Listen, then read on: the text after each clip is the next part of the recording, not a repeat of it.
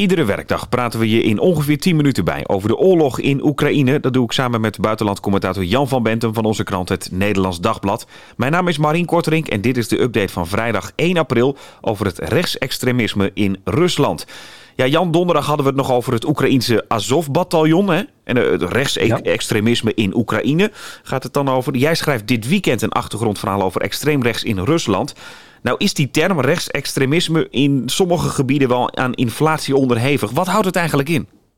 Nou ja, ik richt me vooral op partijen die, uh, of organisaties die zich richten op uh, het, uh, de superioriteit van het witte ras. Hè, white supremacy wordt het ook wel genoemd.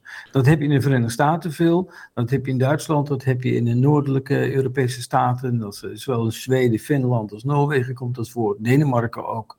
Je hebt in het wordt vaak verbonden met de Europese traditionele cultuur. Een gek als Andreas Breivik in Noorwegen heeft daarvoor mhm. een hele moordpartij aangericht.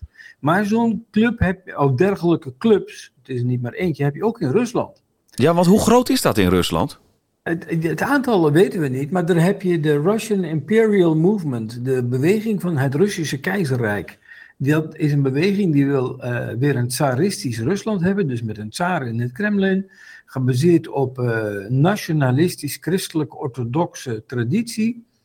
Um, en uh, met als onderdelen onder andere alleen kinderbijslag voor Russen. Er mogen nog andere mensen in Rusland wonen en werken, maar dat is dan wel strikt voorbehouden aan zeg maar, de Russen die dat toestaan en reguleren. Maar daar hebben ze geen stemrecht en dat soort zaken meer. Nou, dat, dat is een van de bewegingen, die RIM, in, in het Russisch heet die RID. Um, maar die beweging heeft ook een paramilitaire aftak. Uh, uh, en die houdt bij Sint-Petersburg onder andere uh, trainingkampen. En daar worden ook rechtsextremistische slash neonazistische westerse organisaties bij uitgenodigd. Zoals bijvoorbeeld, dat is de, de Noordelijke Verzetsbeweging. Dat is een beweging die aanhangers heeft in alle Scandinavische landen. En daar zijn onder andere uh, leden van naar Rusland gegaan, drie leden. Die hebben volgens de richtlijnen ook van die uh, Noordelijkse Verzetbeweging zich eerst afgemeld bij die club. Daarna hebben ze die militaire training gehad, een week lang, dik een week lang, bij Sint-Petersburg. Zijn teruggegaan naar Zweden. En hebben daar twee bomaanslagen uitgevoerd en een derde die zou, een poging tot een derde, die is mislukt. Eh, dus die zijn ook veroordeeld en daarbij kwam dus ook die training van die Russische eh, keizerlijke beweging aan de orde. Nou, die is officieel, zou dat dus niet mogen in Rusland, maar het wordt gedoogd. Want via dat soort bewegingen, eh, die ook contact bleek te hebben bijvoorbeeld met uh, de organisator van die beruchte um, Unite the Right rally in Charlottesville, de Verenigde Staten. Ja, hoe zat het ook alweer? Nou, Charlottesville had je in 2017 een, een, een betoging van ook uh, die, die white supremacists en rechtsextremistische bewegingen, waarbij er uiteindelijk ook een tegenbetoging is gekomen. Daar is een van die aanhangers van die rechtsextremisten met een auto ingereden op die tegenbetogers, waarbij ook iemand is omgekomen.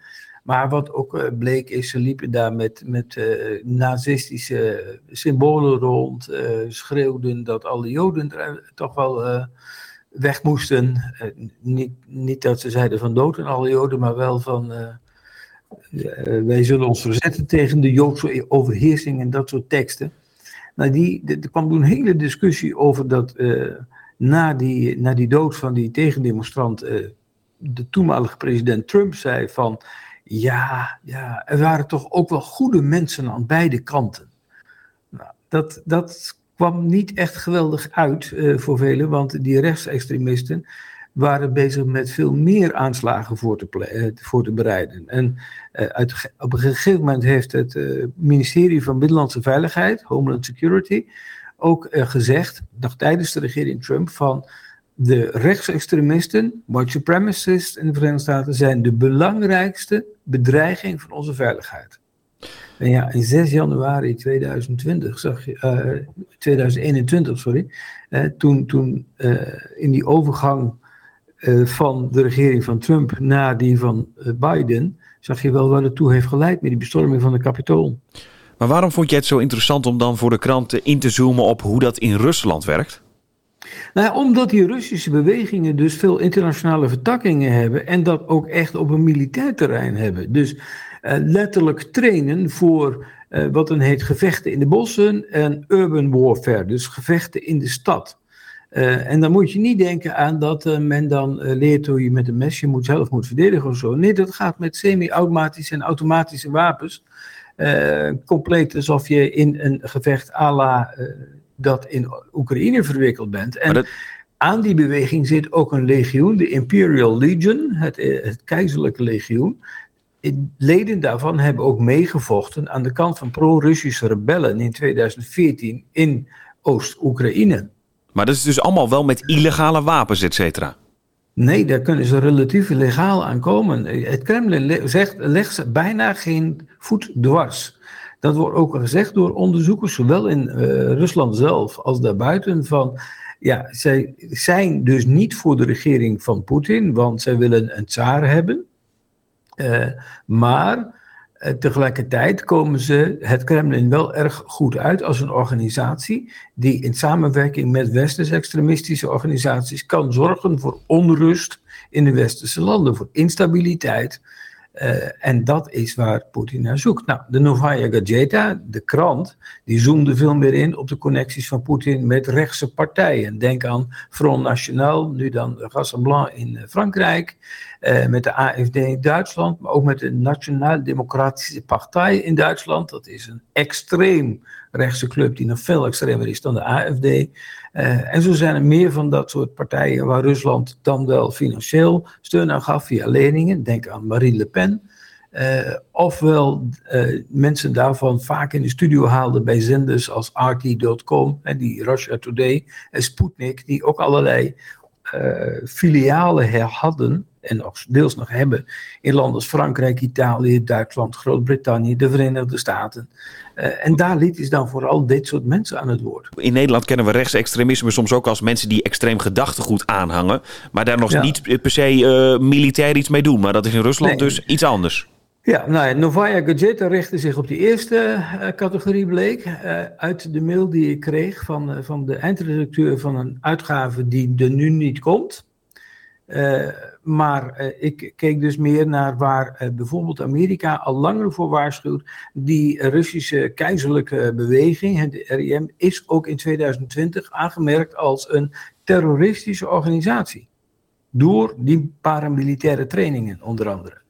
En doordat ze dus ook al in de Verenigde Staten uh, actief waren in contact leggen met extremistische bewegingen. Ja, en het is dus, dus ook des te, des te bijzonderder, omdat wij het afgelopen donderdag hadden over het Azov-bataljon. En Poetin zegt wel eens van ik wil het rechtsextremisme, de nazi's in Oekraïne verdrijven. Maar die zitten dus ook in Rusland zelf.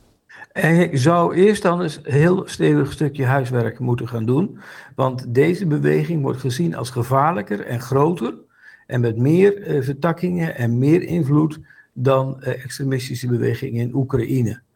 Um, onder andere doordat, uh, nou, een van de deskundigen zei zelfs dat die, die Russische keizerlijke beweging, die RIM, en die paramilitaire afdelingen van, dat, dat imperiale legioen, hè, dat, dat keizerlijke legioen, een lopende band was voor het voorzien van buitenlandse vrijwilligers voor de pro-Russische rebellen in de Donbass. Ja, dus dat zij dat faciliteerden eigenlijk. Dat daar ja, weer nieuwe aanwas dus kwam om te vechten daar. Ging. Ja. Waar moet je dan naar denken? Dat weet ik dus niet precies. Uh, ik bedoel, dan moet je echt heel diep in de rapporten duiken. En uh, dan moet je er een, uh, hoe heet het, een mooi proefschrift over schrijven of zo. Dat is een beetje vergaand voor een artikel in de zaterdagbijlage van de ND. Ja. Maar het gaat wel om behoorlijke aantallen. Die, die trainingkampen zijn al, al jaren. Ze duren een week. Ze worden regelmatig gegeven. Uh, dus dan kun je wel nagaan dat het niet om een, een, paar tientallen of een paar honderd man gaat, maar dat het uiteindelijk wel om enige duizenden gaat. Poetin heeft er dus een beetje een bijzondere relatie mee. Want nou, ze vechten in Oekraïne voor, voor zijn doelen eigenlijk ook. Maar ja. eh, toch willen zij eigenlijk Poetin niet als leider, hè? Nee, maar ze hebben wel eenzelfde soort gedachte, namelijk het verenigen van alle Russen in alle plekken waar ooit het Russische Rijk, dan wel de Sovjet-Unie is geweest. Ze willen een ander deel daarvan is een politieke partij, Rodina, Moederland. die wil ook een USSR terug, maar dan als Unie van Slavische Soevereine Republieken. USSR dus? Ja, ja, maar dan niet, niet de Sovjet, maar Slavische republieken. Dus, en dan Slavisch eigenlijk in de zin van het Russische volk. Uh, en dat is eigenlijk hetzelfde streven als Poetin wil, die het grondgebied van de oude USSR wil terughebben, omdat dat in zijn ogen het heilige Rusland is. Maar waar loopt het dan spaak tussen die twee? Het spaak loopt het op de regeringsvorm. Poetin wil dus een uh, regeringsvorm met een president, lees Poetin. En uh, zij willen een regeringsvorm, net als in het verleden, met een tsaar aan het hoofd in het Kremlin. Terwijl ik me kan voorstellen dat Poetin prima tsaar zou willen zijn.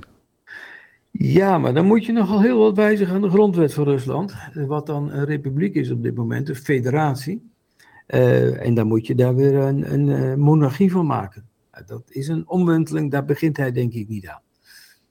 Dat was hem voor vandaag. Heb je een vraag voor Jan of wil je reageren? Dat kan via oekraïne.nd.nl. Een nieuwe update staat maandag om 4 uur weer voor je klaar.